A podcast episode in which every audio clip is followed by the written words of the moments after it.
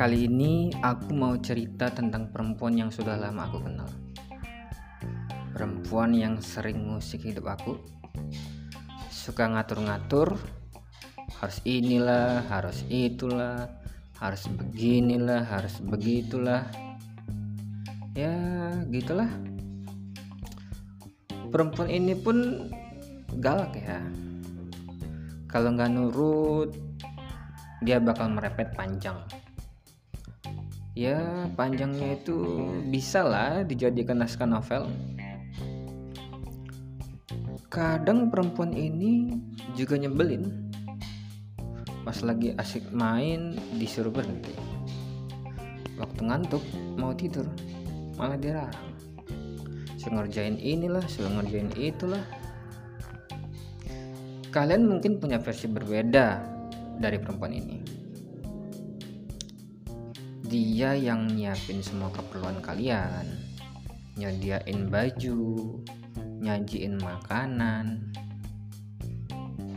Yang kalau kalian sakit tuh siap sedia nemenin 24 jam.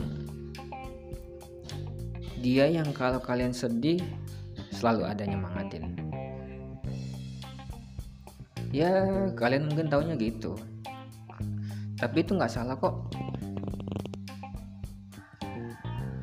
Perempuan yang aku sebutin juga ada sisi kayak gitu. Mungkin tidak ada gambaran ya. Ya itulah ibu kita. Atau aku biasa manggilnya si mama. Aslinya baik.